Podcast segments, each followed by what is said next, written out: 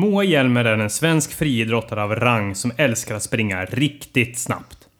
2012 rusade hon hem ett EM-guld på 400 meter och tiden 51.13. Vansinnigt snabbt. 400 meter i paradgrenen, en stenhård distans som sätter prov på både uthållighet, snabbhet och den mentala styrkan att hålla hela vägen. Förutom EM-guldet har hon skrapat ihop en stor drös guld på svenska mästerskapet och satsar nu för fullt mot nya erövringar. Varmt välkommen till Hårdare träning, Moa.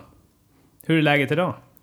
Ja, tack så mycket först och främst. Eh, jo men det är bra idag. Du eh, sa att du hade sprungit snabbt i, idag så du satte dig på ett visst sätt för att undvika kramp. Vad har du gjort idag? Ja, idag har jag eh, sprungit 150 meters lopp och 120 meters lopp. Eh, men jag fick bra sparring av en träningskompis så det gick eh, kanske lite fortare än vad som var tänkt. Så därav hålla ut benen så det inte blir några kramper. Ja, jag förstår. Hur många sådana lopp körde du då? Ja, just dagens pass eh, såg ut som så att det var tre gånger 150, tre gånger 120 och fyra gånger 60 meter. Det, ja. Full blås? Ja. Precis. Eh, kort vila och så lite längre vila mellan, mellan de olika distanserna. Mm. Hur, hur kort är vilan? Ja, den är så kort som man vill göra den, för det är gångvila. Så vi promenerar tillbaka den sträckan som ah, man har ah, sprungit. Okay. Så det, man kan gå fort, men man kan också gå väldigt långsamt. som kanske är mer vanligare att göra. Ja, jag förstår. Mm. Eh, men hur har veckan sett ut annars då, träningsmässigt hittills? Vad har du, vad har du gjort? Ja, eh, jag har faktiskt eh, tyvärr varit lite sjuk. Så att jag har kommit igång. Så nu har jag precis varit igång en vecka. Lite försiktigt. Så att det har varit en, en lugnare vecka. Ehm, jag känner mig faktiskt inte helt, helt eh, liksom eh, hundra procent tillbaka ännu. Men eh, ja, det gör inget. Det är inte ens maj ännu så att det finns tid att lappa ihop det här. Jajamän, men ja precis. Men det, det tar väl ett tag och speciellt när man springer så snabbt och hårt som man ändå gör. Eh, ett par veckors vila eller hur, det nu, hur långt det nu blev. Det måste påverka ganska mycket på det här. Framförallt den här gnistan, liksom de här riktiga toppfarterna. Ja men så är det ju. Man tappar ju verkligen eh, toppspeeden, det gör man. Men eh, ja, sen hittar man ofta tillbaka till den. Så att det men det är den, det är snabbheten som får sig en törn. Mm. Men eh, var, var det förkylning eller feber eller vad var det för någonting du låg hemma i? Ja, det var, men det var lite konstigt faktiskt. Det var förkylning men det kan ju vara mer än så. Eh, ja. Jag hade lite konstiga symptom så att ja, det kan ju ha varit. Den, den förrädiska coronan. Jajamän, ja. jag vet inte. Men, mm. Men eh, ja, i övrigt, hur har det påverkat din, din säsong? Eh, denna situationen som har uppkommit. Vad, hur, hur, har det påverkat ditt, ditt upplägg och dina planer?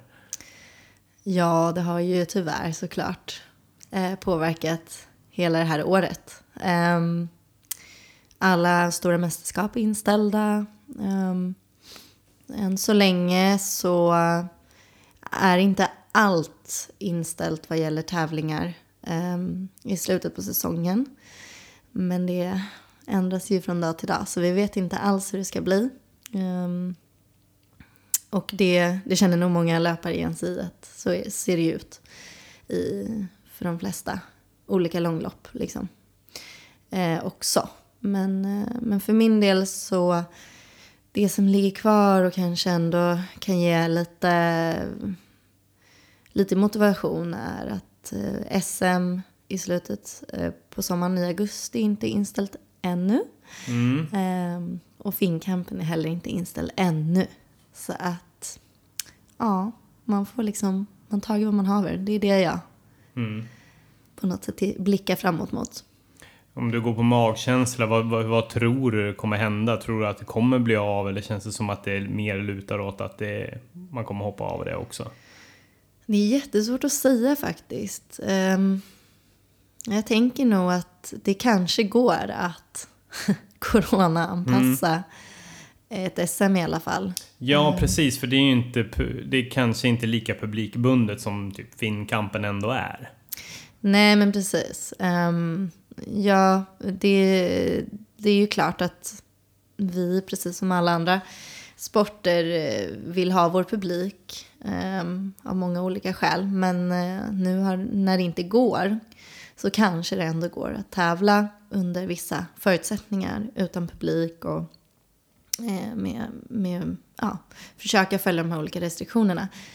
Det kanske kan gå. Eh, det är svårt att säga. Vi vet ingenting. Nej, nej. Men man kan ju hoppas i alla fall. Du, du sitter inte på det allsmäktiga svaret på hur tävlingssäsongen kommer se ut med andra ord. Nej, nej. det gör jag inte. Nej. Märkligt. ja. eh, men vilk, du fortsätter träna som, alltså, det, du, du, du har, har du förändrat någonting i upplägget beroende på det här? Eller, eller tågar du på precis i samma uppbyggnad som om det hade varit tävlingar hela året? Eller hur funkar det? Um, nej men det är väl fortfarande väldigt färskt eh, det här med att eh, allt har blivit inställt. Det var så sent som eh, i förra veckan vi fick beskedet om att eh, Europamästerskapen som skulle ha gått eh, sista veckan i augusti ställdes in. Så det är, har varit svårt att förändra någonting. Eh, så länge liksom en tävling har legat kvar så, så måste man ju utgå ifrån att den blir av. Eh, och även om det inte kom som någon chock att, att EM skulle, eller att det ställdes in, så var det ju såklart fortfarande en besvikelse ändå. Eh, för jag hade väldigt, väldigt gärna vilja tävla på den tävlingen. Um, men um, så just nu så tränar jag på som vanligt. Um, förhoppningen i sommar är väl ändå att kunna tävla uh, på något sätt.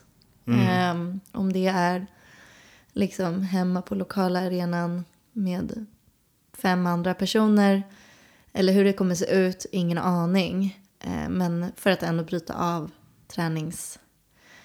Uh, ja, hela träningsupplägget blir ju liksom, man behöver få sina toppar ibland för att ja, motivera sig vidare och för att det ska fortfarande vara kul. Det är ändå, tävling är ju ändå liksom det roligaste jag vet.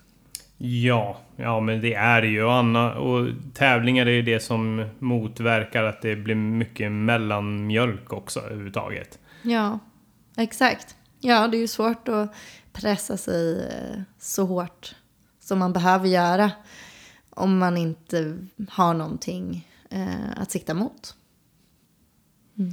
Vad har dina stora mål varit eh, det här året då? Ja, alltså OS låg ju tidigt och även om jag inte hade det som huvudmål så ska man aldrig säga aldrig. Ehm, men eh, det var ju EM i slutet på sommaren som ändå kändes som det, eh, det stora målet mm, och mm, något som, mm. Eh, ja, man trodde nog att jag hade en hel del att ge där. Ja, ja. Men hur, och nu har det flyttats till nästa år, visst är det korrekt? OS? Eh, ja, OS precis. Ja. ja.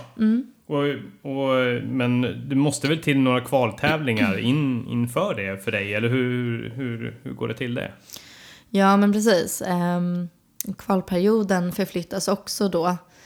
Uh, så att det blir um, att kvalperioden startar i början på september om jag inte har helt fel. Men det är där någonstans i alla fall. Så uh, normalt sett så ska ju en tävlingssäsong vara över då så att man egentligen har bara nästa år på sig att uh, kvala i realiteten.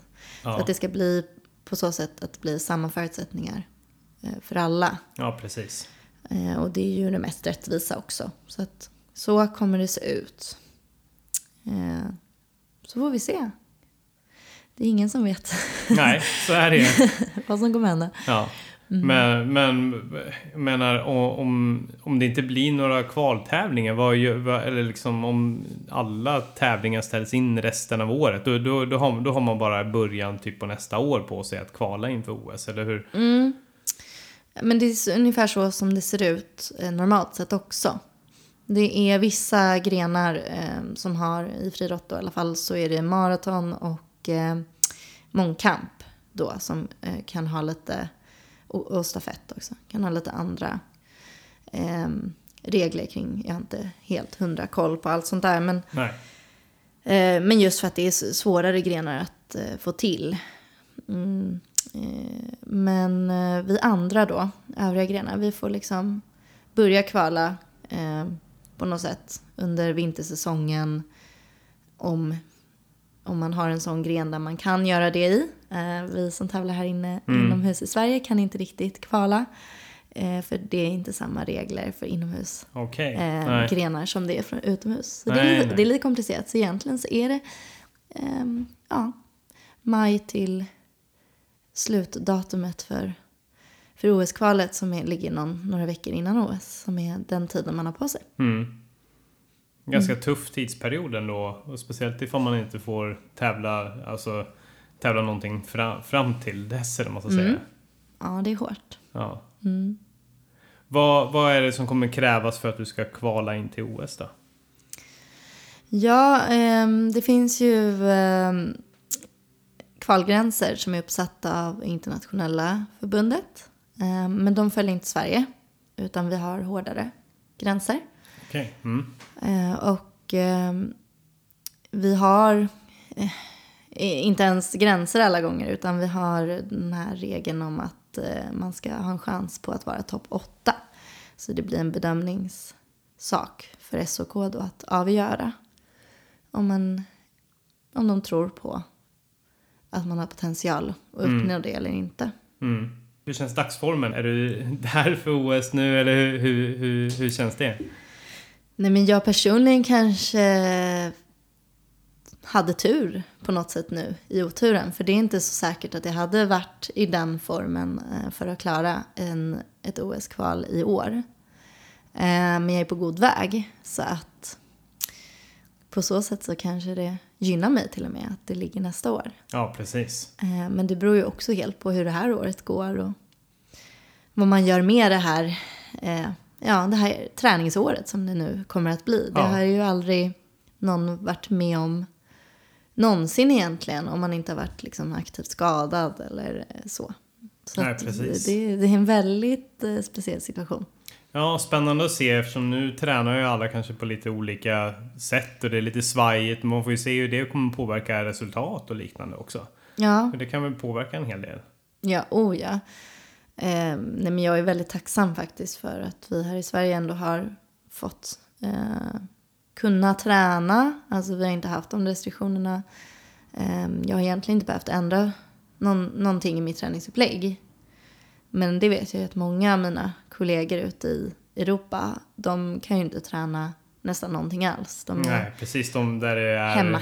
Ja, precis där det verkligen mm. är lockdown. Ja. ja men ja, hur, hur, har du någon koll på hur de har gjort då? Kör de, eh, liksom, slänger de in ett löpande i lägenheten eller vad var, liksom, var taktiken? Ja, alltså de som har råd att köpa ett löpband. Ja, precis. liksom, de kostar väl några hundratusen eller någonting. Ja, det, det, det, kan vara dyrt. Men ja. Eh, de, jo, så har det nog blivit för många. Eh, att, att man eh, har införskaffat det. Eh, som vet att vissa länder har där man fått gå ut en timme per dag, ja då är det racet ner till träningsarenan för ja. att liksom få in några lopp. Men det är inte, det, det är oerhört tufft. Så att på så sätt så är vi väldigt förskonade här hemma. Um, och på så sätt så ser jag också möjligheten till att SM kanske ändå på något sätt kan bli av.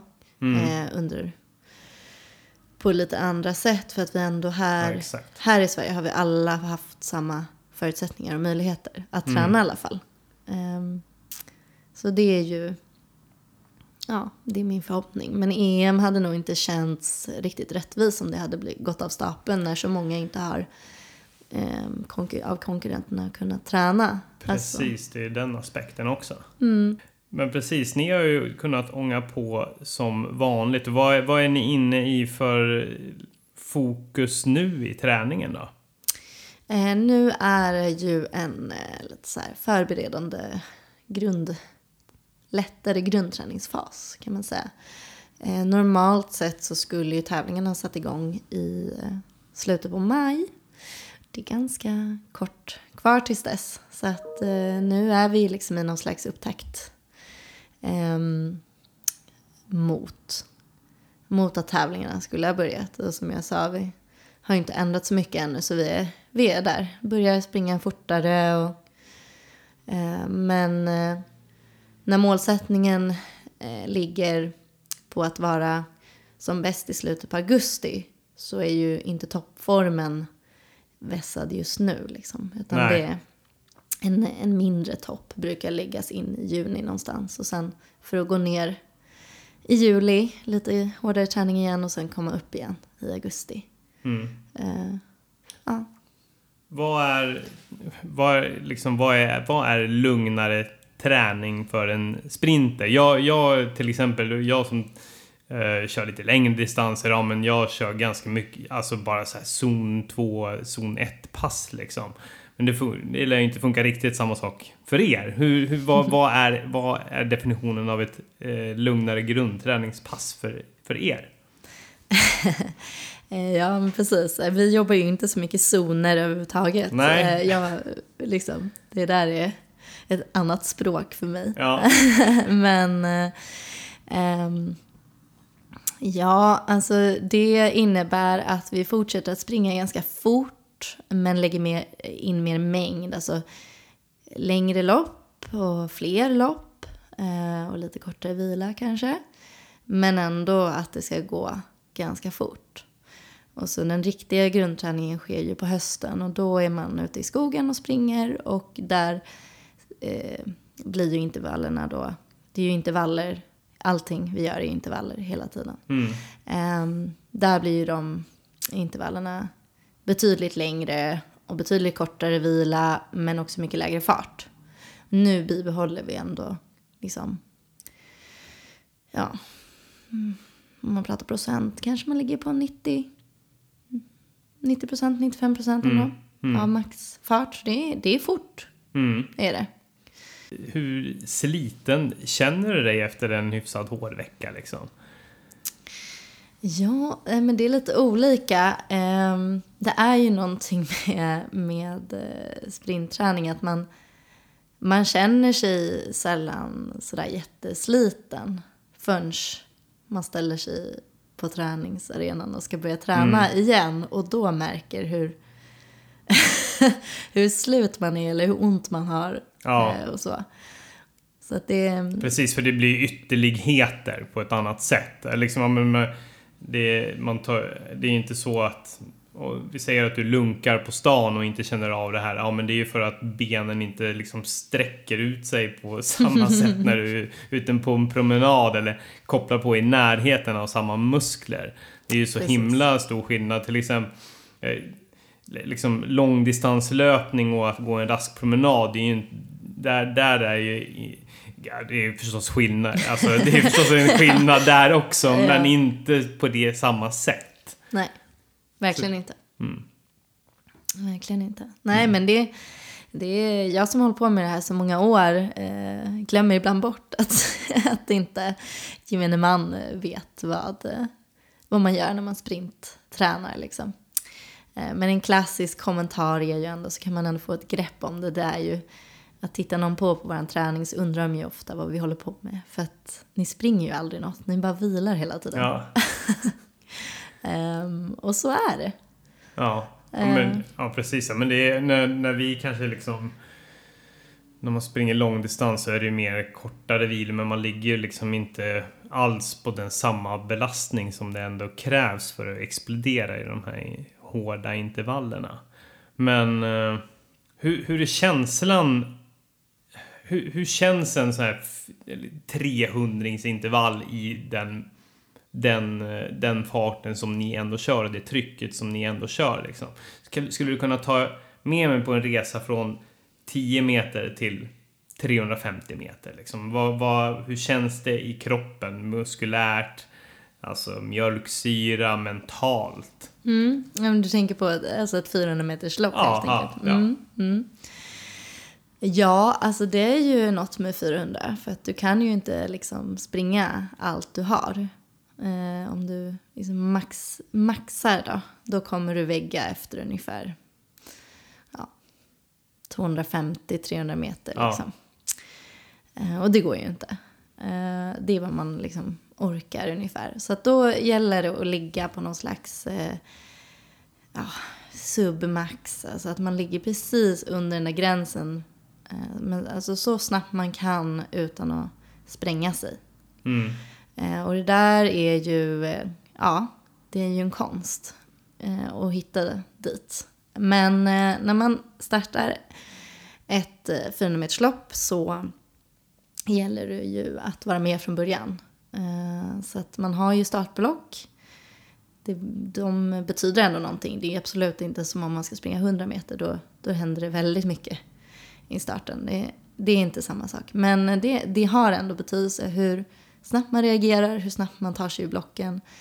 Eh, men sen är det då accelerationsfasen eh, som eh, liksom nästan sätter prägen på hela loppet. Eh, så första 50 metrarna då, då trycker man på järnet för att komma upp så fort som möjligt i den där submaxhastigheten där man kan ligga sen.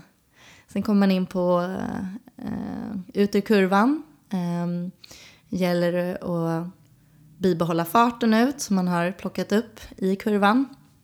Kurvor är ju bromsande dessutom. Så det gäller ändå att liksom trycka till lite så man får med den här farten ut på raksträckan. Mm. Och där på bortre lång, eh, de 100 meterna, gäller på något sätt att bara flyta med i den här farten man har valt. Ehm, och eh, utan att eh, det ska kosta alldeles för mycket energi. Så att man liksom är ekonomisk i hur man springer. Sen är det in i kurvan då, som jag sa, kurvor är bromsande. Mm. Eh, och då gäller det att börja ändå liksom hitta någon slags position. Och inte för att man ska bry sig supermycket om vad ens konkurrenter gör, men man kan ju ändå liksom ta hjälp av dem. Om de ändå ligger där bredvid. Så hitta någon, eh, någon bra position gentemot dem. Eh, och där någonstans, alltså i den där andra kurvan, då börjar det. Ehm, det som händer först är oftast inte fysiskt, utan det är psykiskt. För då har man gjort halva loppet. Då har 200 meter gått ungefär. Och då har man ju halva kvar. Och så börjar man bli lite trött. Och då får man ju liksom inte börja tänka på att man är trött. Nej. Ehm, så där börjar det mentala redan att betyda någonting. Många säger att det är sista hundra meterna, men det, det händer någonting redan där. Ehm, så det gäller att försöka slå bort allt eh, vad, det, eh, vad, vad de tankarna säger. Att man börjar bli trött. Nej, tänk inte på det. Fortsätt spring. Mm. Bibehåll steget, eh, in i kurvan och ut ur kurvan trycka till i princip allt man har. För då är det ju bara 100 meter kvar. Och Ja. där, där börjar ju syran komma. Och då ska man bara hålla den stången Mm. och ta sig i mål. Och hur slut är du när du har tagit dig i mål då? Det är ju svårt att få grepp om för ja, sådana som springer lite längre att hur den, hur den tröttheten man är eftersom man tänker att det kanske tänker att det, det är så kort liksom. Mm. Men hur, hur, känns, hur känns det i kroppen då? Ja, eh, det beror ju faktiskt på hur loppet Ja. har gått. Ehm, om eh, man stapplade i mål eller om man eh, liksom faktiskt sprang i mål. Ja. Ehm, och hur det gick också. Det är ju lite intressant det där. Eh, de loppen jag springer dåligt, då mår jag ofta väldigt dåligt efteråt. Eh, och de loppen jag liksom springer bra, där jag får en bra tid, trots att det går jättemycket fortare då, så mår jag mycket bättre. Ja. Så det sitter ju mycket liksom mentalt. Ja. Eh, endorfiner och adrenalin och sånt här. Ja, precis. Eh, men det som är det kruxet med fyren är att man mår ganska bra när man kliver över mållinjen oftast. Mm. Man mår ganska bra när man har tagit sig 10 meter från mållinjen. Man mår ganska bra när man liksom börjar ja, pusta ut och kanske ska börja gå upp mot mixzone där journalister står. Ja. Och sen så eh, kommer man kanske 30 meter och då bara smäller det till. Jaså, är det så? Okej. Eh, vad, vad, vad, vad beror den här fördröjningen på då? Ja du, här skulle man nästan behöva kanske Ja. någon med eh, En- bättre Ja, fysiokunskaper. Vi får ringa in det. Nej, men... Ja, men eller Ja. hur? Mm. Ehm, nej men det är väl att man, eh, liksom, man har ju ansamlat sig den här mjölksyran i benen. Mm. Som ju är liksom en biprodukt. När man har tagit slut på alla sina resurser i, i musklerna, vilket man gör på 400, så börjar mjölksyran byggas upp istället och ta över. Och ehm, mm, man känner, det är den liksom som dyker upp. Och jag eh, kan hantera den lite olika och det beror som sagt på då hur loppet har gått och sådär. Mm. Eh, Men det händer ju definitivt att jag behöver uppsöka en papperskorg. Ja. ja, det är så. Ja, Gött. ja nej men på något sätt så vet jag inte om det är korrekt eller så, men eh, det är väl liksom magsyra har man ju i magen. Det är Ja. syra, mjölksyra. Ja. Bästa sättet att bli av med syra, ja. upp med det, Upp ut med, med det. det. Ja. Mm. Känns det bättre då efter det? Ja, Mm. det är ofta en väldigt... Det är väldigt skönt. Och många gånger är det egentligen inte själva liksom, den biten som är det jobbigaste, utan det är det som bygger upp inför. Att, att må illa. Att liksom huvudet spränger, man har svårt att se. ehm, det är liksom... eh, man är helt svullen i munnen, man kan inte prata. Mm. Eh, alla de här olika symptomen, liksom, Ja. det är ju nästan jobbigare. Eh, Plågas i det. Mm. Men det gillar man också. Ja, man gillar när det är förbi. Ja. När man har tagit sig igenom det gillar man det. Ja, men Ja. någonstans så måste man, om man gör det så många gånger som man ändå gör det, så måste man ju gilla den slitkänslan också. Lite grann. Men jag tror det här är samma sak som att ni som springer långt utsätter er för Kullamannen till ja, exempel. Ja. Alltså det handlar ju inte om att man tycker om att plåga sig eh, för plågandets skull. Nej, nej. utan det är ju att man klarar av en utmaning som verkar väldigt svår på förhand. Mm. Och liksom det man får ut av det när man klarar av någonting som är svårt. Man mår ju väldigt bra. Mm. Eh, och ingen skugga faller på liksom eh, 100 meters och 200 meters sprinter här. Men, men jag som springer de distanserna också, liksom, jag mår ju aldrig så bra när jag har genomfört ett sånt lopp som efter att jag genomfört ett bra 400-lopp. Nej. För att jag, för mig är det så mycket svårare och så mycket tuffare utmaning. Och när man väl klarar av det, för man gör inte det alla gånger, eh, så, så mår man, då mår man bra liksom. Mm. Mm. Ja, jag förstår den känslan alltså. Ja, jag tror många gör det faktiskt. Ja.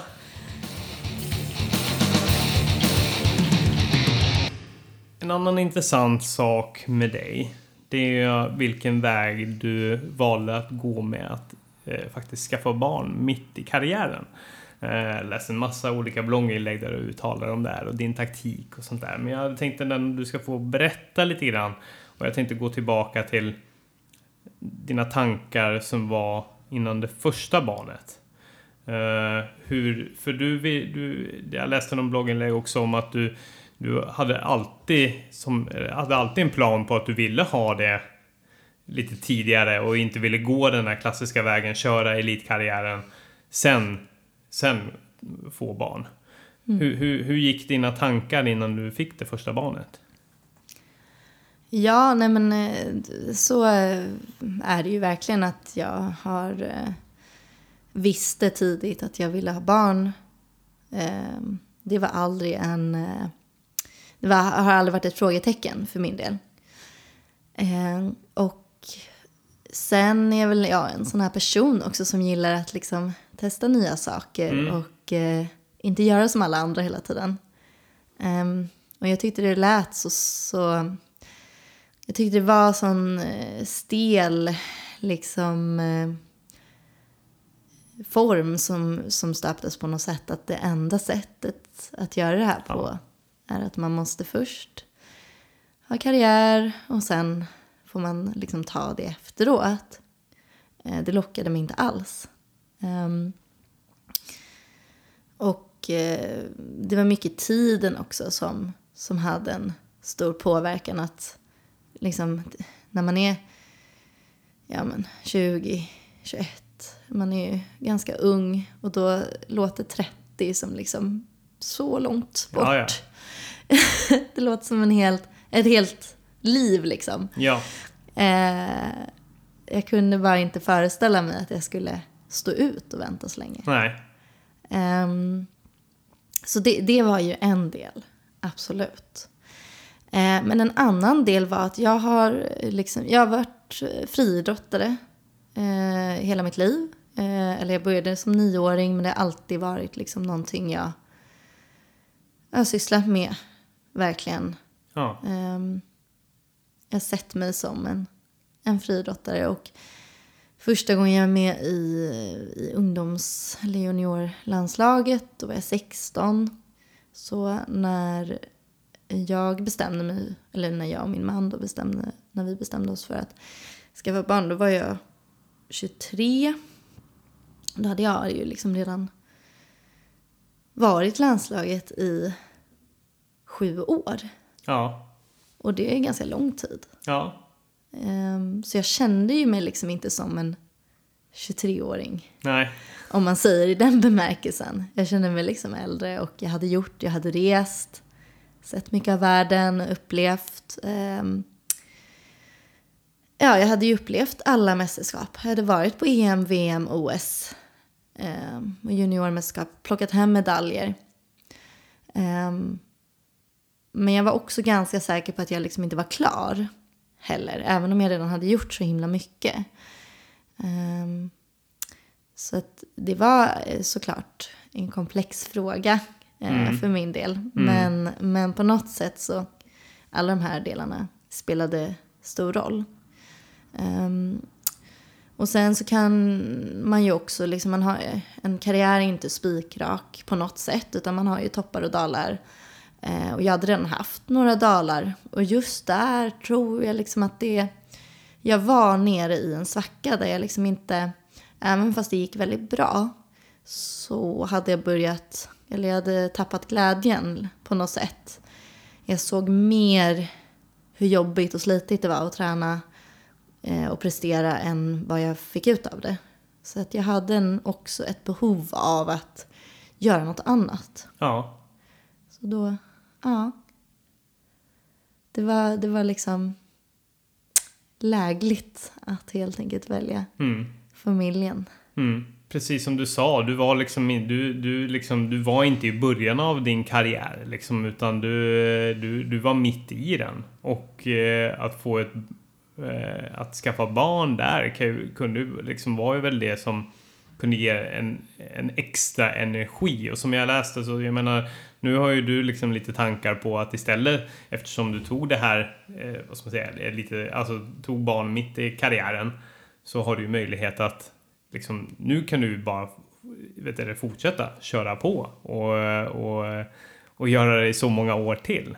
Mm. Istället för att hela tiden tänka liksom, eh, alltså, som, som alla andra förväntar sig att man ska göra. Tänka på att det, tiden tickar, snart man ska sluta för att det är dags att bryta av med det.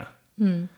Men mm. hur, hur, hur, hur, hur mycket åsikter fanns det runt dig vid den här tiden? Jo, men det är väl klart att det fanns en del åsikter.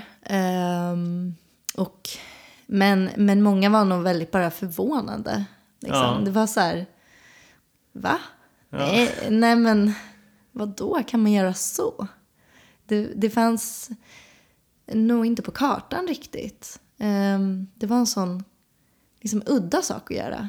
Ja. Vilket ju så här i efterhand känns ganska sjukt att, ja. att det ska vara så.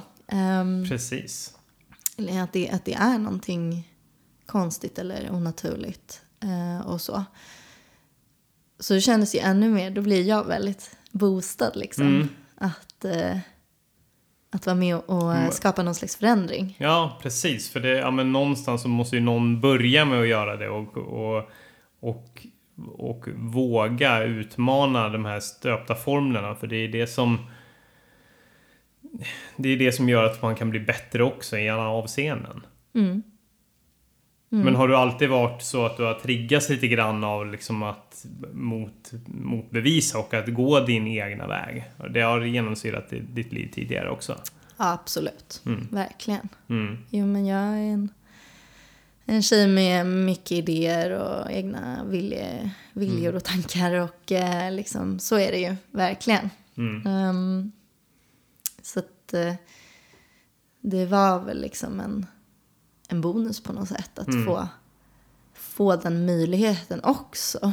I något som jag ändå redan ville göra och hade längtat efter så fick jag också som bonus att eh, kunna vara med och påverka liksom, samhället Ja. i någon slags riktning. Och möjliggöra kanske för eh, fler idrottskvinnor att våga ta steget. Ehm, och jag, liksom, jag har ju nu när jag själv fyller 30 i år och har många runt omkring mig som är i den situationen som inte har barn Mm. eller familj ehm, på det sättet. De, de har ju liksom, många har en stress och en Ja. längtan och eh, det är jobbigt att behöva fatta det där beslutet. Eh, för Mm.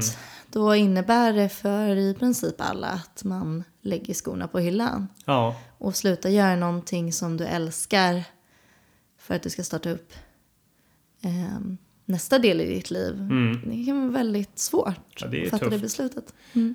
precis. För då, då kan det ju finnas en... Alltså jag menar, det är ju det är på ett sätt att kunna låta barnen vara med på den resan som, som du gör nu också.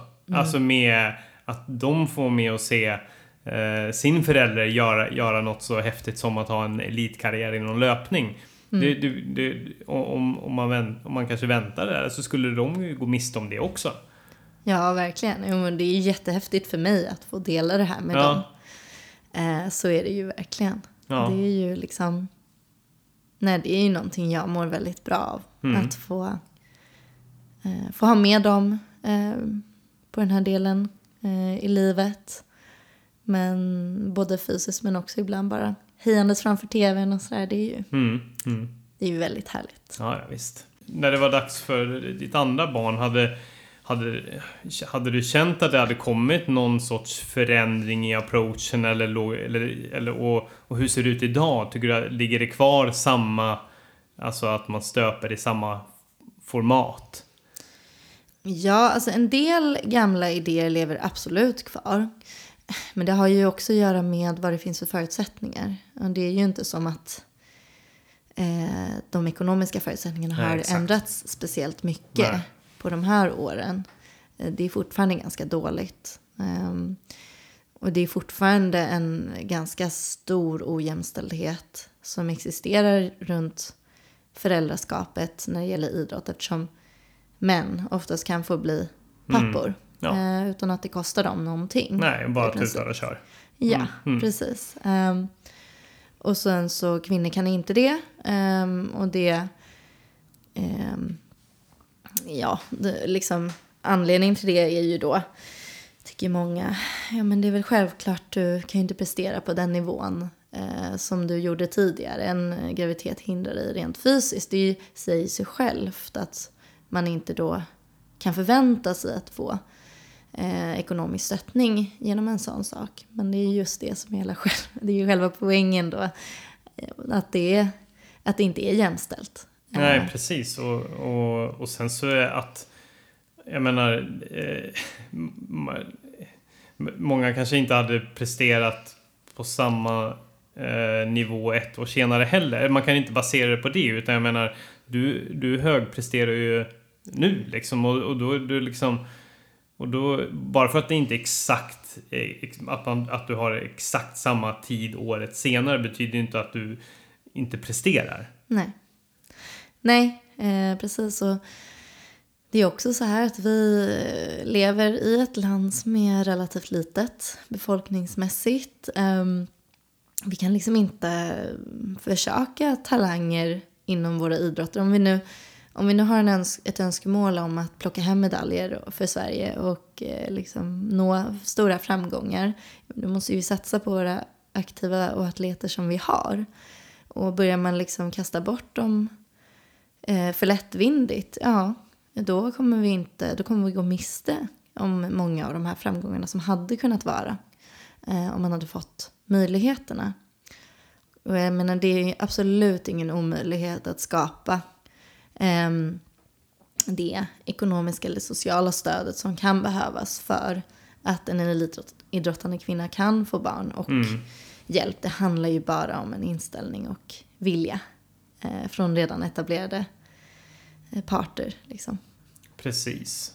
Och det, och om man, om man tänker liksom om man tänker lite långsiktigt så ifall, ifall kvinnor vet att det, det, finns de här förutsättningarna så finns det ju mer som skulle våga satsa på, på idrotten. Mm. Eh, istället för att hela tiden känna ett eh, orosmoment och en stress och uh, över att liksom det ska vara över då ekonomiskt stöd och allting så fort man mm. känner att nu vill man ha barn.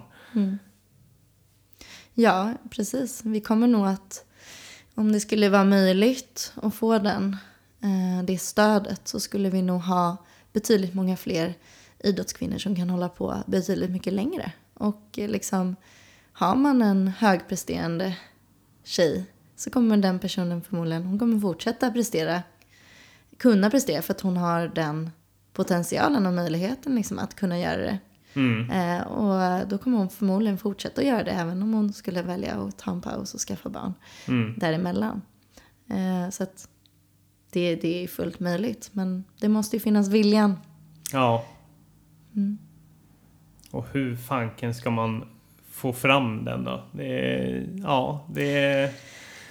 Ja, nej, men genom att prata om det. Att ja. lyfta frågan jämt stället ifrågasätta eh, de som har pengar, de som sitter på ja.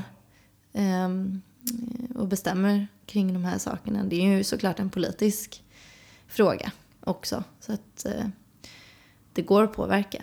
Eh, mm. Men förändringsarbetet tar lång tid. Även det om... gör ju det. det. Tyvärr så är det ju så jävla trögt oftast.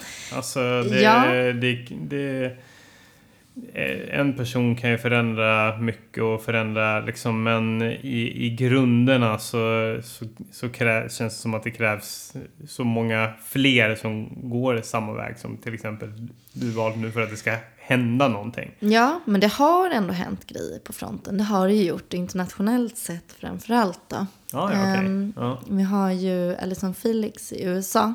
Ja.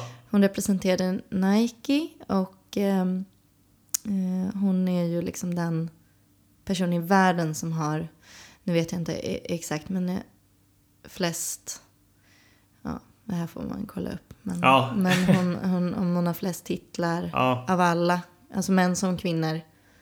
Um, och eh, hon är ju verkligen en stor förebild för mig, för hon springer ju såklart 400 meter också. Mm. Uh, men hon uh, valde att skaffa barn Ja. Eh, och fick då sitt stöd eh, indraget från Nike, eller åtminstone väldigt eh, mycket mindre pengar. Så hon krävde liksom en förändring. Och efter det då skrev faktiskt Nike om sina standardavtal med en klausul att um, Ja, ordagrant vet jag inte hur det lyder men Nej. i princip att man som kvinna om man väljer att skaffa barn så har man rätt att inte omförhandla sitt kontrakt på 18 månader, tror jag mm. Så att man då ska ha tid att både vara gravid, eh, gå igenom en förlossning och hinna träna eh, nio månader då för att ta sig liksom, tillbaka. Eh, sen om det här kommer följas i praktiken, det återstår att se. Ja, men, eh, men liksom, det, det hände ändå någonting gjorde det. Uh, så att det, det, det händer grejer. Det händer grejer när folk med stora plattformar och med starka röster ja. pratar om de här frågorna. Mm. Verkligen. Och sen, så, och sen nu har vi ju sett, bara om man går tillbaka till Sverige, att uh, i coronatider går det att göra lagförändringar och andra saker väldigt fort. Exakt. Så att, eh, För att ja. rädda ekonomin och så vidare. Men ja, medan allt annat går trögt. Mm. Ja, said. Exakt. Nej men det är ju sådana här förändringar som behövs göras alltså även för att inspirera den yngre. Alltså det, det går ju igenom alla led. Bara en sån här grej påverkar ju påverkar ungdomsidrotten också liksom. Att det, att det är en mental eh, eh, aspekt som, som, som är oerhört viktig. Mm. Mm, Ja, verkligen. så är det. Men hur, hur eh, om vi går lite mer in på hur din, hur din väg liksom, hur, hur du har tampats, eller tampats, eh, hur din väg har sett ut innan, före graviditet med träning och sen så efter graviditet med träning. Hur vad har du liksom hittat eh, inspiration till dina upplägg? För det har ju inte direkt funnits någon kanske någon vettig källa på hur, hur man ska hantera det. Eh, eller hur man ska gå tillväga för att ja, eh, gravid och, och elitsatsare. Liksom. Nej, exakt. Nej, det har ju... Det har ju verkligen varit lite som att eh, famla i, i blindo. Ja. Och eh, eh, här kan vi verkligen snacka om att hitta sin egen väg. För att även om jag är absolut inte den första kvinnan som eh, kombinerar eh, barn och elitkarriär. Men det är ju olika idrotter och alltså det har ju funnits andra kvinnor före mig men de har ju inte kört friidrott och inte just min gren. Nej. Så även om, om det finns exempel så är det ju ehm, väldigt olika typer av träning. Och det har ju såklart, eh, det på, har ju påverkan såklart på, Mm. eh, på upplägget. Ehm, Ja, precis. Och sen så är en extra parameter att alla graviditeter är olika. Ja. Eller, jag menar, så, det, så det måste ju vara ett jäkla experimenterande där. det kan man ju lugnt säga. Ja. Alltså det är verkligen. Ehm, jag hade turen att ha ganska eh, smärtfria graviditeter. Jag hade liksom inte eh, så mycket problem. Jag kunde, genom båda graviditeterna kunde jag träna fram till, ja, vecka 35, eh, 37 i den första och 35 i den andra. Det är ju Mm. ganska kort tag kvar till Ja. förlossning. Ja, verkligen. Eh, så att jag hade, jag säger ändå tur för att det där kan jag ju slå hur som helst. Mm. Ehm, eh, och ehm, det gjorde ju ändå att jag ehm, inte tappade lika mycket. Mm. Men som vi var inne på i början så är det här med när man är borta från träningen, sprintträningen så tappar man ofta snabbheten. Mm. Och det gjorde jag ju såklart. Mm. Eh, för att ju längre graviditeten skrider desto större och tyngre blir man och desto liksom, långsammare måste man springa. Ja. Så även om jag kunde springa så blev det ju långsamma lopp. Mm. Eh, Mm. Så snabbheten är det som, som man tappar mest av och tar längst tid också att jobba sig tillbaka till. Mm. Eh, Men egentligen så var det ju inte det som var det svåra för att det har jag ändå koll på. Ehm, På något sätt och min tränare har koll på hur man gör det. Men det är ju mer allt det som har hänt i kroppen. Mm. Och jag var lite naiv. Som sagt, jag var inte supergammal. Jag var 24. Ehm, Jag hade inte ens fyllt 24 Mm. när jag fick min första, när jag fick min dotter. Ja. Och eh, jag hade nog ändå liksom någon slags tanke om att ja, men jag är ju vältränad. Eh, Du är tillbaka dagen efter. Jag... Nej, inte Nej. riktigt så illa. så naiv var jag inte. Nej. Men, eh, men jag tänkte ändå att liksom, och den här, eh, ja, det finns ju vissa saker som, som, som sägs lite bara, man får med sig Mm. eh, i livet. Och det är ju en av de här grejerna som jag lite trodde på då. Att det är så, det är så fantastiskt med kvinnokroppen. Den bara går tillbaka av sig själv. Mm. och det där var lite så här, ja. Så jag gick lite och, och väntade på när den skulle bara liksom Ja. hoppa tillbaka ungefär. ja, ja. Eh, ja, så så naiv var jag. Eh, och Mm. att liksom insåg ju efter några månader att nej men jag måste ju träna. Mm. Eh, Men det är ju väldigt motsägelsefullt för samtidigt så får man hela tiden höra att man inte får träna. det är farligt att träna eller Ja, ja. eh, och så vidare. Och hopp och belast... Ja, liksom... Ja. Ja, men det är Ja. allt möjligt och det är rekommendationer och de är, det är som spridda skurar liksom. Mm. Eh, och jag förstår ju på eh, det eh, verkligen att det är så att de rekommendationer som finns är väldigt generella eftersom, precis som du sa, eh, graviditeter är så himla olika. Mm. Det går inte att ge ett generellt råd som, som funkar liksom för de flesta ens, utan Mm. det är så himla individuellt.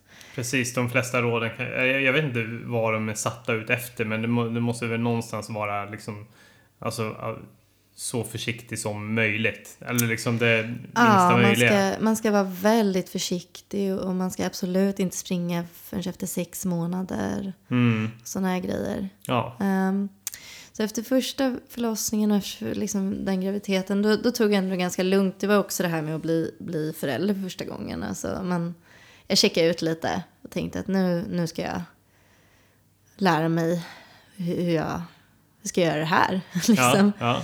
med allt vad det innebär. Och det var på sommaren också, så det var ganska härligt. Eh, tog lite sommarlov helt enkelt. Ja. Något jag inte haft sedan jag var 13 år Nej. kanske. Gött. Eh, eftersom jag alltid har tävlat på sommaren. Men eh, sen, eh, sen vart det jobbigt när jag skulle börja på hösten igen och insåg att liksom, mina magmuskler var ju typ ur funktion. De, de var inte, de kunde inte jag hitta. Nej. De fanns där, det var egentligen inget fel på dem men mm, de har ju flyttat, de har ändrat plats och hjärnan vet inte riktigt vart de är. Nej. nej. och det där måste man liksom träna upp igen. Ja. Att hitta, eh, få ihop nervkopplingarna och liksom vad, vad händer och, och hitta tillbaka till en kroppskontroll framför allt. Och som eh, liksom alla som springer vet så är ju kåren eller liksom bålen, det är ju det är hela centret när man ska springa. Och har man Ja. inte, funkar inte det än liksom, ja då kan man inte springa heller. Även om benen, inte, det är inget fel på benen. Men eh, det, det funkar liksom inte. Ehm, så det, då fick jag ehm, träna mycket. Eh, styrketräning med då fokus på liksom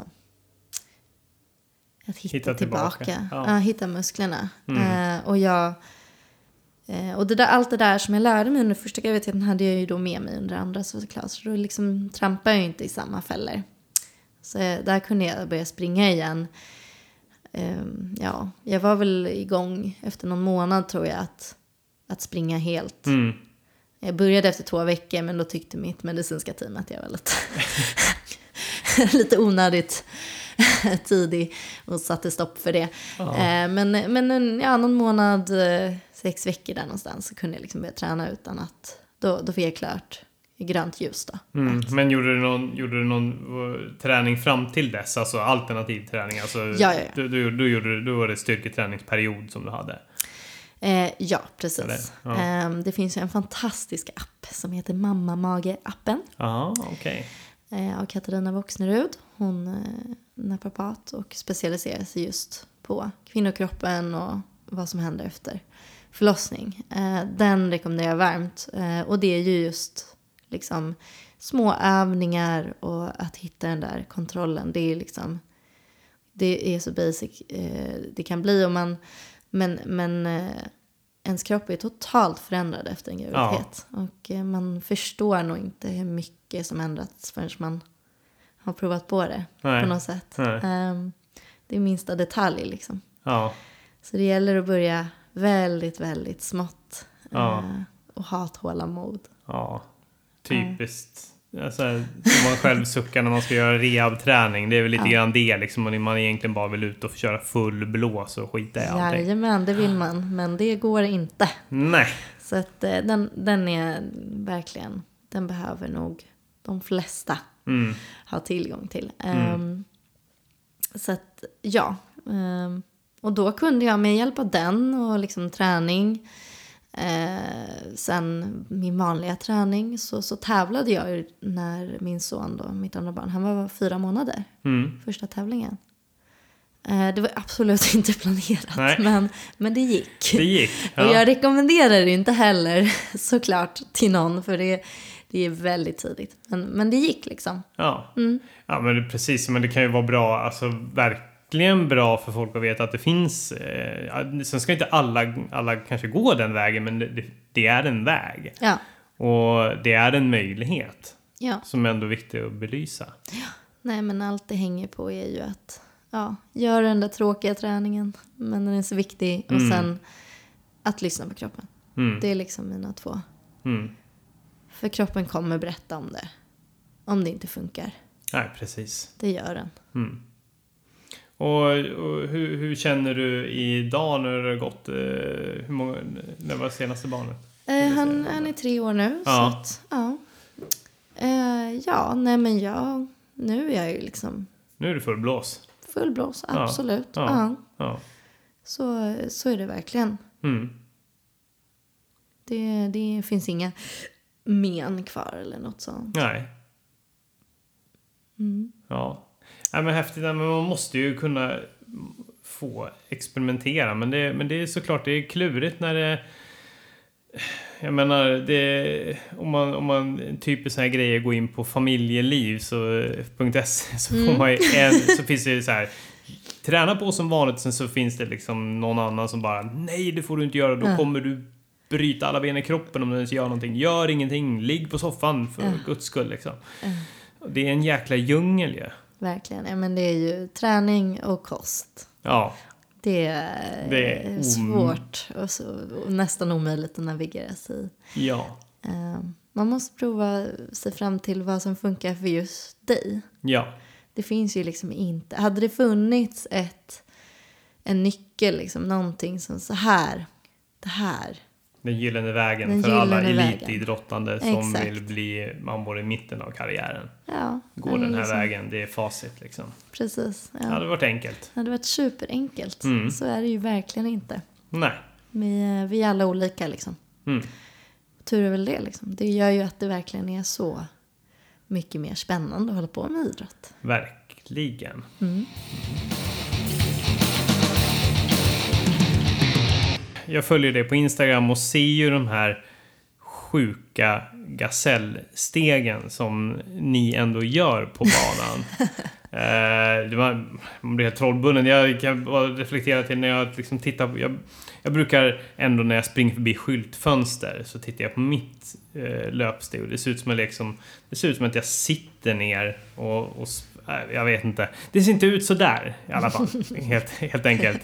Eh, jag tänkte att vi bara går in lite grann på liksom vad, vad arbetet bakom de här kraftfulla löpstegen faktiskt är. Vi vet ju, ja, springa snabbt. Kort och gott, det är ju så här, ja.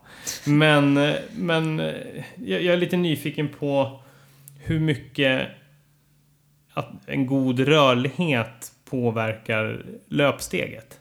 Och hur mycket man, ni jobbar med det. Mm. För när jag säger, ja, jag ser ju, ja men, ja som sagt var, jag kollar på de Instagram-klippen. Det är liksom, det är som en jäkla... Benen rör sig som en, som ett cykelhjul liksom. Ett stort jäkla cykelhjul. Ja. Hur mycket, hur mycket jobbar ni med rörligheten? Är ni försiktiga med det eller vad, vad är, på vilket sätt jobbar ni med det? Ehm, ja, men det var en bra fråga. Det brukar inte vara den första frågan, just rörligheten. Nej, Men- Nej det, det, det är bara för att jag, jag utgår från mig själv och min stela höft liksom. Mm. Ja, nej men, nej men så är det ju att eh, stelhet är ju inte en bra sak eh, när man ska springa helst. Så är det ju. Mm. Eh, så att alltså är man rörlig, ju rörligare desto bättre. Absolut. Eh, men sen så är det ju eh, skillnad på vad man kanske menar med, med rörlighet också. Ehm, men en mjukhet behövs ju i kroppen liksom. Eh, är man stel som en pinne så kommer man ju begränsa sig i sitt löpsteg. Eh, så mjuka upp sig. Sen behöver man ju liksom inte kunna gå ner i spagat. Nej, Den precis. sortens liksom, rörlighet. Absolut inte. Det kommer ju till en gräns. Och vi har ju alla våra liksom, individuella löpsteg också. Som är just kanske som, som är ditt löpsteg. Och man ska inte in och, och, och fiffla allt för mycket i det och så att liksom alla ska springa på samma sätt. För det går inte. Eh, vad som passar mig passar inte dig, garanterat.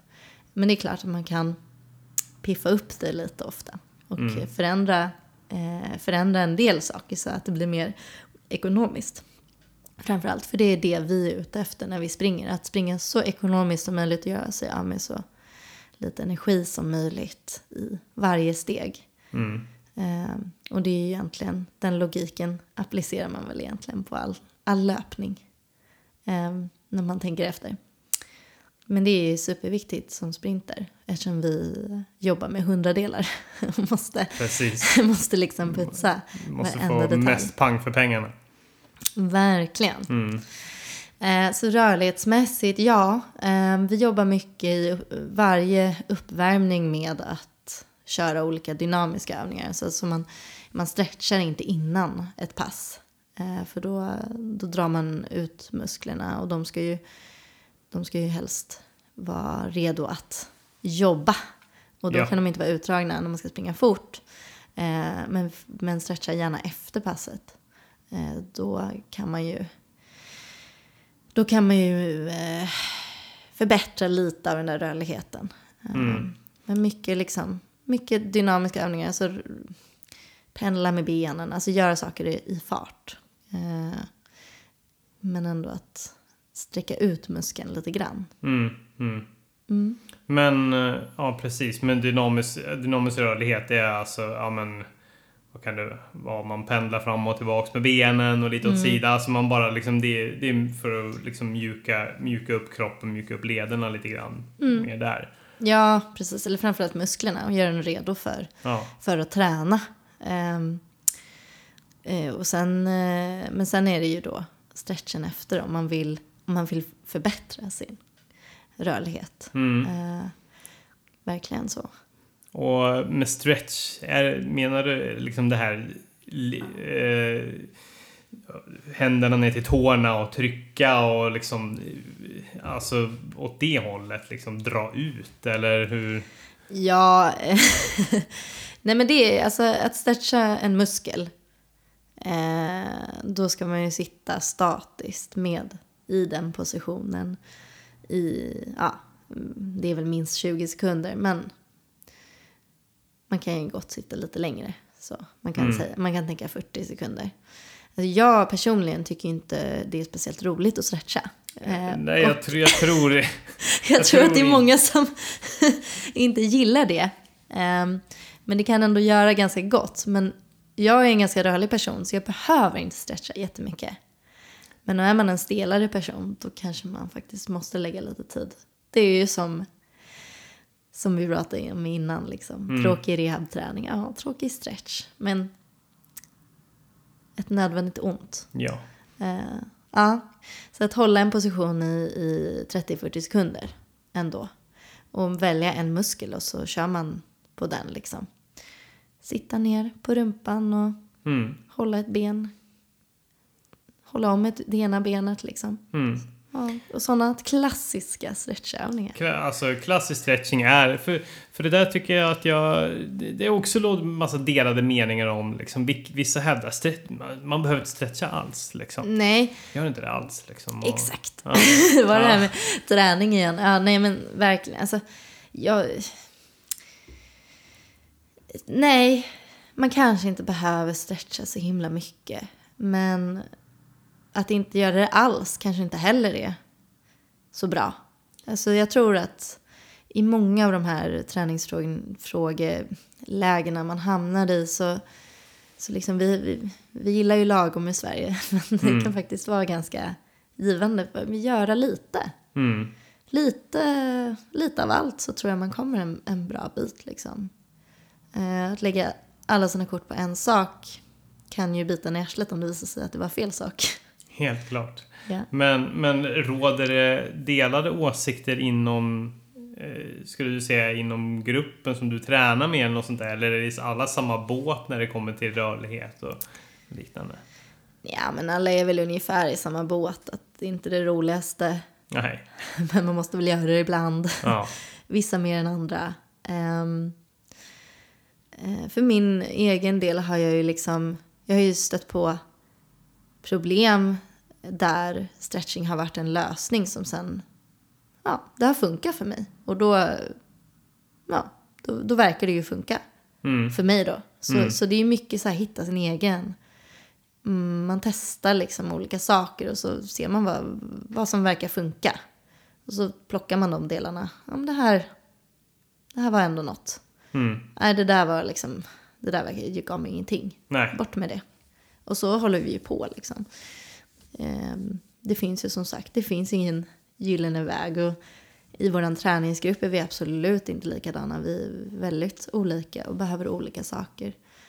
Ehm, Men vissa sådana där grejer, vissa är rörligare än andra och då kan vi lyxa till och skippa, stretch, skippa stretchen. Och Mm. andra är då stelbenta och behöver, behöver mjuka upp sig lite. Eh, kör ni stretching efter eh, liksom alla pass eller är det vissa hår?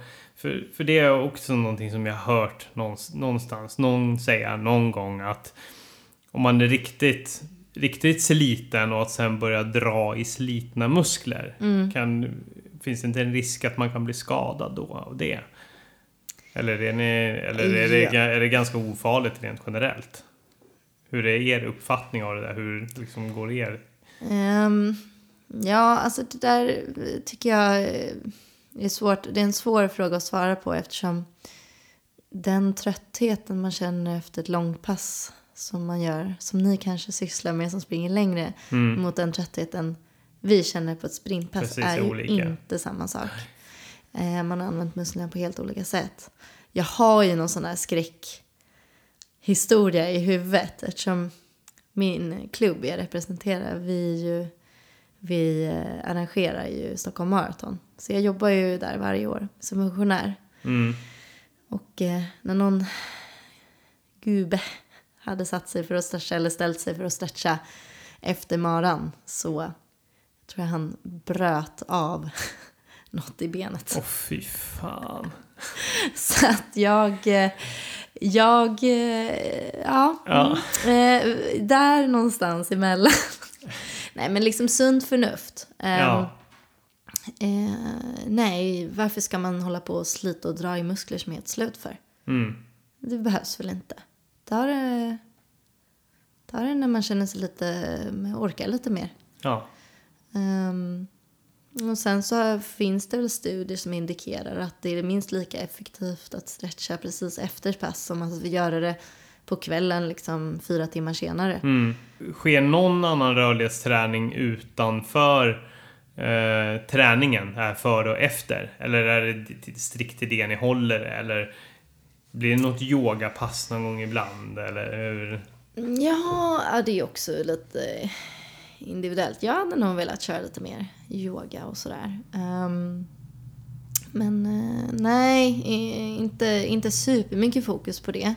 Eh, men vi sysslar ju en hel del med styrketräning också. Mm. Och i styrketräning så in, kom, tillkommer ju en del rörlighet faktiskt. Alltså att göra djupa knäböj kräver ju att man har en viss rörlighet. Ja, Så att- exakt. så att det, det, det, det tränar man ju på så sätt också. Så, att, ja, så det, det går lite. Det förekommer på fler ställen. Mm. Men på vilken form av styrketräning? Alltså hur, hur tungt lyfter ni? Är det många repetitioner eller är det explosiva knäböj eller är det tungt? Hur lägger ni upp det? Det är ju periodiserat. Så att eh, det beror på när man, när man kikar in i gymmet vart, vart Ja. man är i period.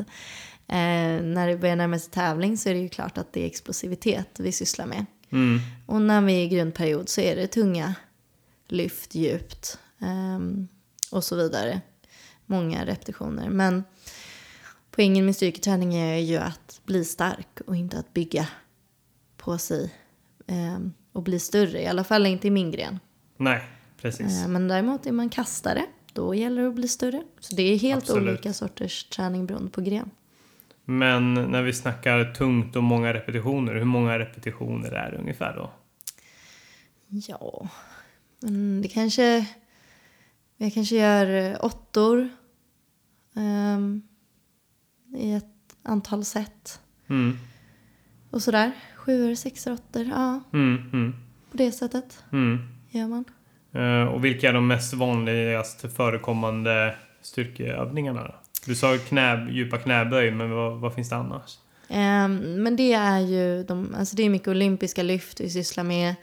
Ehm, det är explosiva, det är en blandning liksom av eh, styrkelyft och, och eh, tyngdlyftning och liksom det, är- det är ingenting renodlat i det vi gör. Man plockar Nej. ut de bitarna som passar in i friidrottsträningen. Ja, Eh, men det är mycket liksom helkroppsövningar, det är frivändningar och ryck och stöt och ja, eh, knäböj och sådär. Klassiker alltså. Jajamän, marklyft tror jag många gör också. Ja, ja. Ja, Inte så mycket biceps curls och liknande, då kan jag tänka mig. Nej, Nej. det, det kan man strunta i. Ja. Ja. Eh, men eh, när du säger när det kommer närmare tävling och det blir mer explosivt, är det samma övningar fast lägre vikter och snabbare eller byts övningarna ut då? Eh, ja, men övningarna byts också ut eh, lite grann. Och som sagt, det blir mer fokus på explosivitet ehm, och snabbhet och, och att eh, kanske göra det tyngre men bara en repetition. Så att det är Mm. liksom allt på ett kort. Ehm, Okej. mm. Vad är det för typ av övningar ni kör då när det närmar sig tävling? Det är ju väldigt olika. Ehm, för min del blir det mycket fokus på ryck. Eh, har det varit. Mm. Tycker du den typ av eh, träning är rolig? Ja, alltså jag har, jag har varit ganska skygg för gymmet i många år.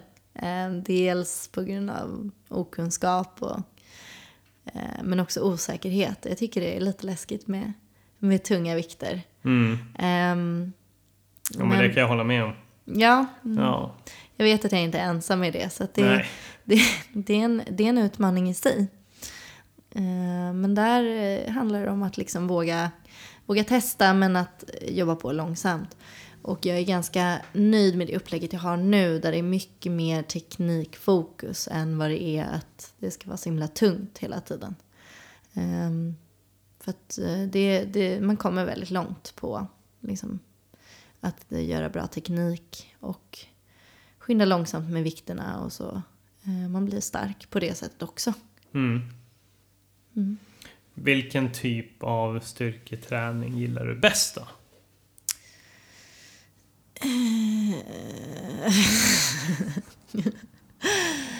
Ja. Finns det någon styrketräning som du säger ja, men det, det här ser jag fram emot. Ja, det, nu är det det på schemat. Ja, men det, det där är ändå roligt. Mm. Ja, men det, en ny favorit ganska nyligen. Det har varit så här, jag har fått göra en hel del eh, kombinationer där man har liksom gjort, det är ju inte inför tävling kanske att man kör flera, men, tre stegs raket ungefär. Mm. Men, men jag diggar de eh, övningarna. Så att liksom till exempel att först göra en frivändning, sen så när man har vikten uppe vid axlarna så går man ner i en knäböj Mm. och sen upp igen och sen så kör man en, en stöt upp över Mm. huvudet Mm. i ett och samma liksom, svep. Det, det, jag gillar det. Det är en annan utmaning liksom. Är, det är det att det är li- lite mer krävande teknikmässigt som gör att du tycker det är lite roligare? Eller? Det är nog att det är fler moment och att det liksom inte blir det här... Eh, du behöver inte ha så tungt där. Nej, det det blir lite, lite mer puls också i det. Eh, ja, det blir det ju. Ja. Eh, lite grann såklart eftersom man inte Mm. gör bara ett moment. Man har ju tre moment. Eh, nej, men jag, jag vet inte, jag gillar det här med att ehm, det finns fler utmaningar i samma lyft. Där man kan liksom, man måste fokusera i, på fler, massa olika saker liksom. Ehm, det, gör ju, det gör ju att det blir mer komplext och jag gillar det. När det är svårare på Mm. något sätt. Ja, Mm. större utmaning. Mm. Eh, förekommer det någon sorts eh, alternativ träning i friidrotten eller skyr man det som pesten för att hålla igång löparmusklerna? Eh, nej, det finns jättemycket alternativ träning. Eh, alltså, sprintträning är ju ganska belastande. Mm. Vi skadar oss. Ja, Eh, och när vi skadar oss så skadar vi oss ofta rejält. ja, Eh, muskler går av och ja. Det- Fy fan. Eh, så att eh, vi är inte främmande för eh, alternativ träning. Men det är ofta förknippat med rehab. Mm. Ehm, för det mesta. Men, nej, men man använder sig av det mesta man kan hitta liksom. Det är cykel och det är att simma eller springa i vatten. Det är ganska vanligt. Mm. Mm. Eh, och så. Men man blir ju inte snabbare av att springa i vatten va? Så man får ju... Man får Nej, ju passa sig. Ja. ja, men precis. Ja. Ja. ja men nej men liksom det, det, det, det finns det gott om. Verkligen. Då är jag nyfiken på, det säger att det är mycket skador och, och skit och som, på, som kommer till följd av den här hårdare träningen. Mm. Då undrar jag, vad, vad är den värsta eh, skadan du har råkat ut för? Eh, ja, jag har varit eh, ganska eh, förskonad fr- från skador faktiskt. Nej, men man är ju liksom inte sprinter förrän man har dragit en baksida. Och det Alltså, har det jag så? gjort. Ja, eh, det har jag gjort en gång. Men eh, Vad är det som sker, vad är det exakt som sker då?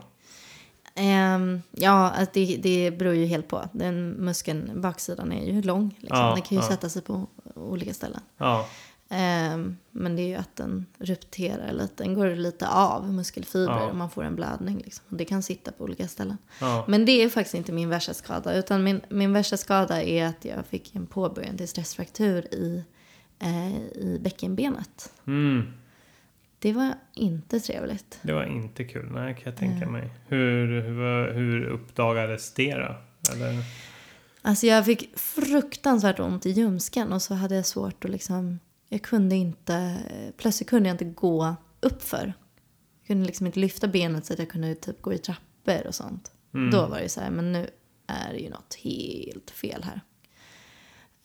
Så Kom då- det helt plötsligt eller direkt efter ett, ett träningspass? Eller kom det liksom när du bara var ute och promenerade på stan? Eh, nej, det kom ju efter en, eh, en tävling då. Ja, Liksom efter ett maxlopp. Som, och jag hade ju haft problem innan, liksom känt av det. Så här, men det är någonting. Men då efter det så var det så här, aj, aj, aj, aj. mm. Så då vart det eh, avsluta säsongen och köra rehab i sex månader.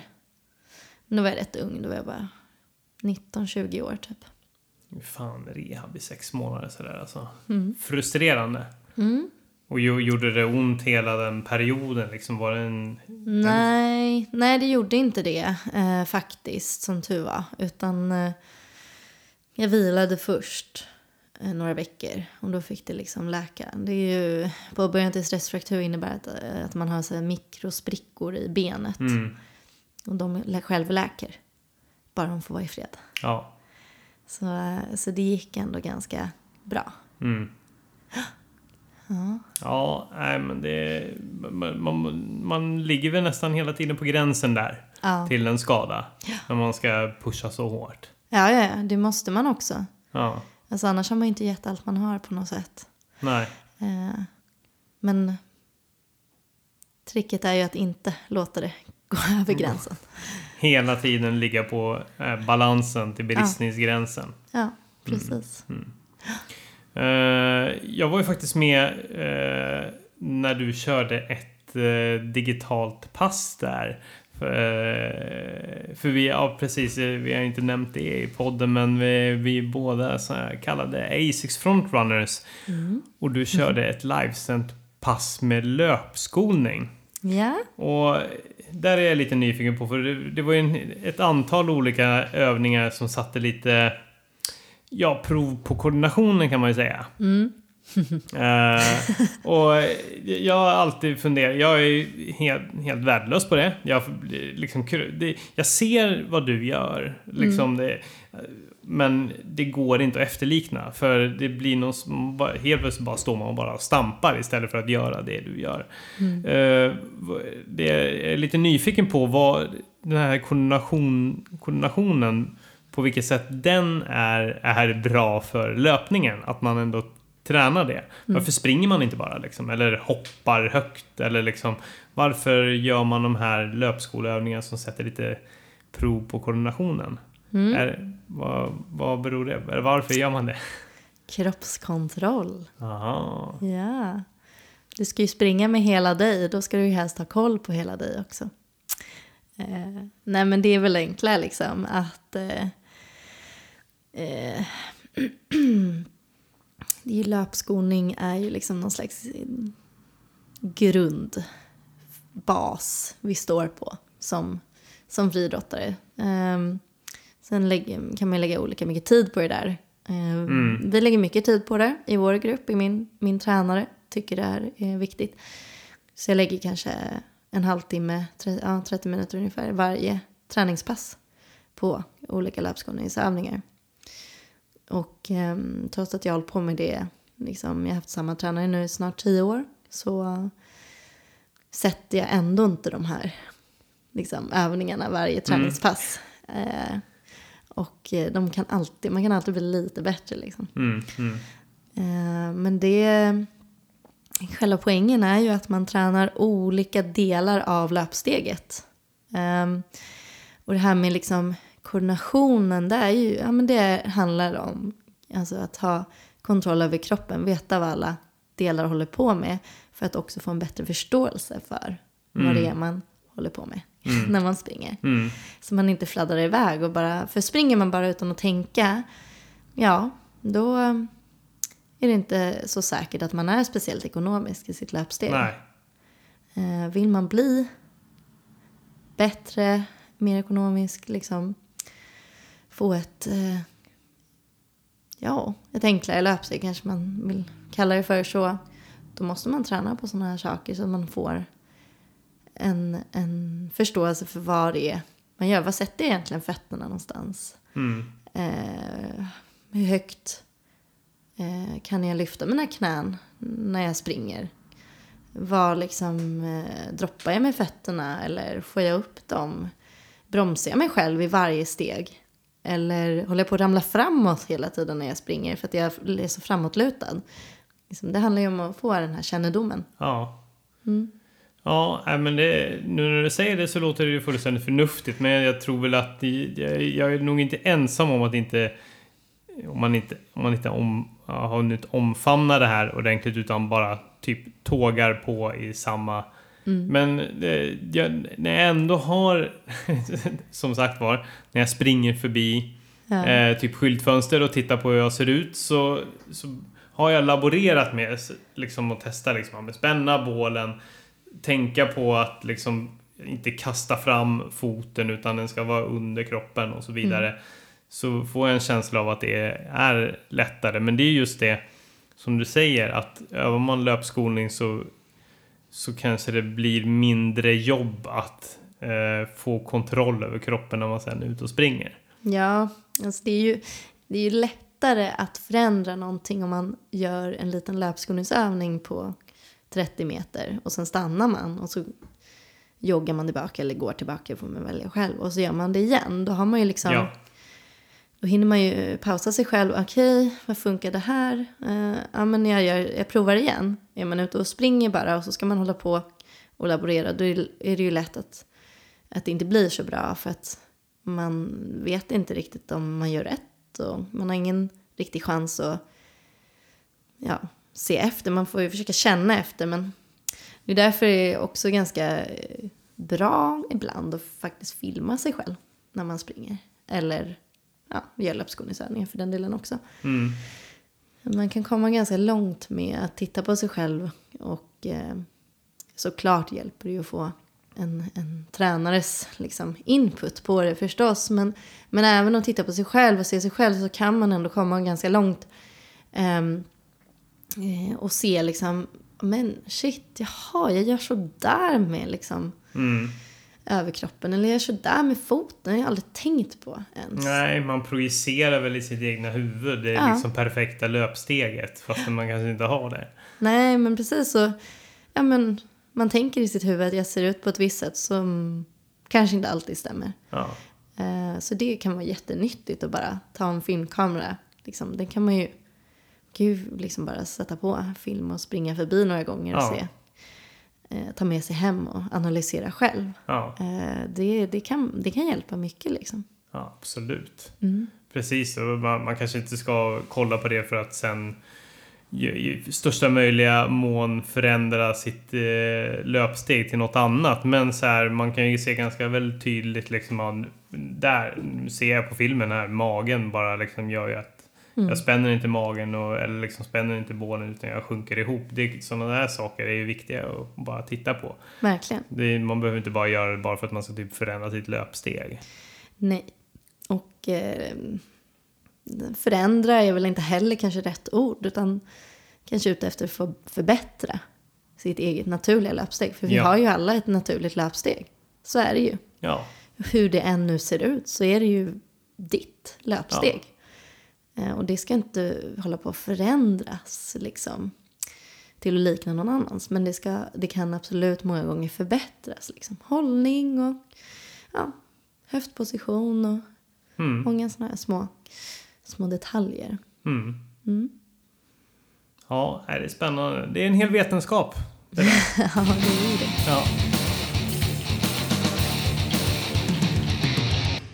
Men om vi skulle ta och börja avrunda här nu för klockan börjar bli sent. Det är, liksom, det är dags att snart gå och lägga sig för det är ju träning imorgon antar jag.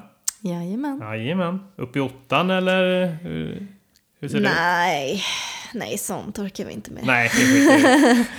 Nej, men eh, dagtid någon gång. Ja, precis. Vi vill vara fräscha i alla fall. Eh, så, vi, så vi går helt enkelt över till liksom drömmar och mål som avrundning. Mm. Eh, och vad skulle du säga är dina högsta drömmar just nu? Ehm, nej men att ehm, fortfarande det som har drivit mig all, alla år är att se liksom hur, bra, hur bra jag kan bli. Det, den frågan den blir ju aldrig besvarad förrän man Nej. lägger skorna på hyllan. Så Mm. man kan ju inte veta.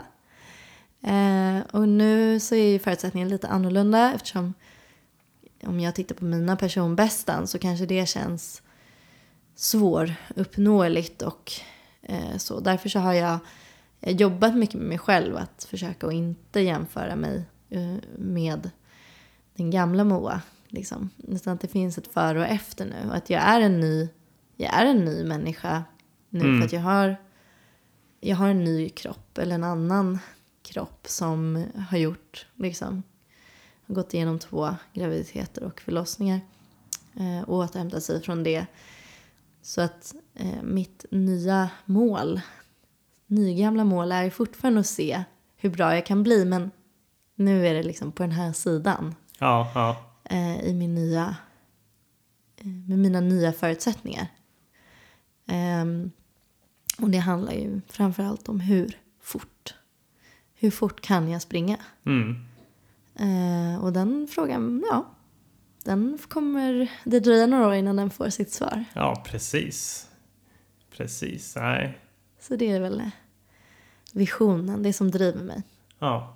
Hela tiden jobba för att bli bättre, bli sitt bästa jag. Bara helt enkelt utifrån rådande förutsättningar. Det är det som man måste hålla till. Man kommer bli galen ifall man hela tiden tittar bakåt eller framåt eller på andra. Hur andra gör, hur andra presterar.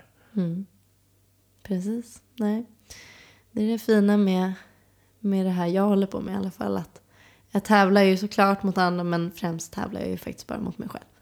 Moa, tack så väldigt mycket för att du ville vara med i Hårdare träning. Det har varit ett nöje att haft dig med här. Ja, och jätteroligt. Jättekul. eh, så får du starkt lycka till med din träning. Eh, starkt lycka till imorgon med ditt, eh, jag antar, hårda pass. Jajamän. Alltid. Ja. Eh, så hörs vi och syns vi. ja, men det gör vi. Tack för att jag fick vara med. Tack, tack. Ha det bra. Detsamma. Hej! Hej.